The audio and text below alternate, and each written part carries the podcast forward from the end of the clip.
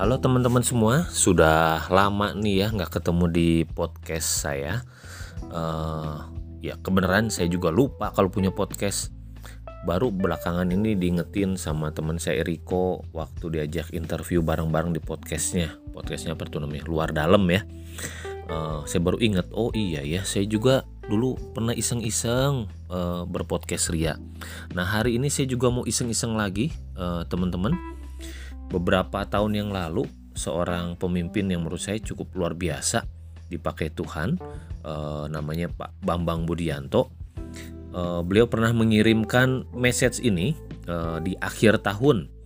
Jadi setelah sekian tahun lamanya saya mau ajak kita semua untuk mengingat kembali pesan yang pernah disampaikan yang topiknya bicara soal mengevaluasi apa yang sudah kita lakukan dalam hidup kita selama satu tahun terakhir. Pesannya kira-kira begini teman-teman. Pengalaman itu bukanlah guru yang baik, pengalaman yang dievaluasi baru bisa menjadi guru yang baik. Nah, tahun 2022 ini hampir berakhir teman-teman. Beberapa hari mendatang tuh ini jadi satu momen yang baik buat kita untuk bisa mengevaluasi hidup kita secara jujur, secara menyeluruh, mendalam dan terbuka. Hasilnya bisa jadi aset yang sangat penting buat hidup yang berdampak dan fulfill di tahun yang akan datang, tahun 2023. Uh, eh, jadi pertama-tama yang bisa kita lakukan adalah coba satu kita identifikasi dua sampai tiga peristiwa di tahun 2022 di mana teman-teman merasa sangat fulfill. Dampak hidup teman-teman begitu besar. Banyak orang diberkati lewat apa yang teman-teman buat dan hubunganmu dengan Tuhan terasa sangat akrab, ya. Tuhan terasa sangat dekat.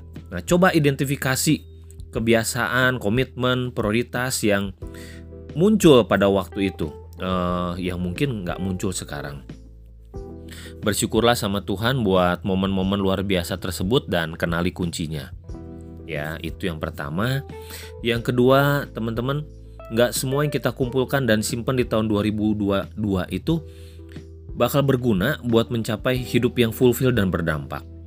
Semua yang gak menyumbang untuk mengejar hidup yang penuh anugerah dan tujuan Tuhan, jika tidak dikeluarkan atau ditinggalkan akan jadi racun dalam hidup kita di tahun yang akan datang, di tahun 2023 ini. Jika ada sakit hati, kepahitan, nggak bisa mengampuni, ada kesombongan, kehilangan kepercayaan diri, atau toksik lainnya yang masuk dalam hidupmu di tahun 2022 ini dan sudah banyak merampok sukacitamu, nah coba kita identifikasi.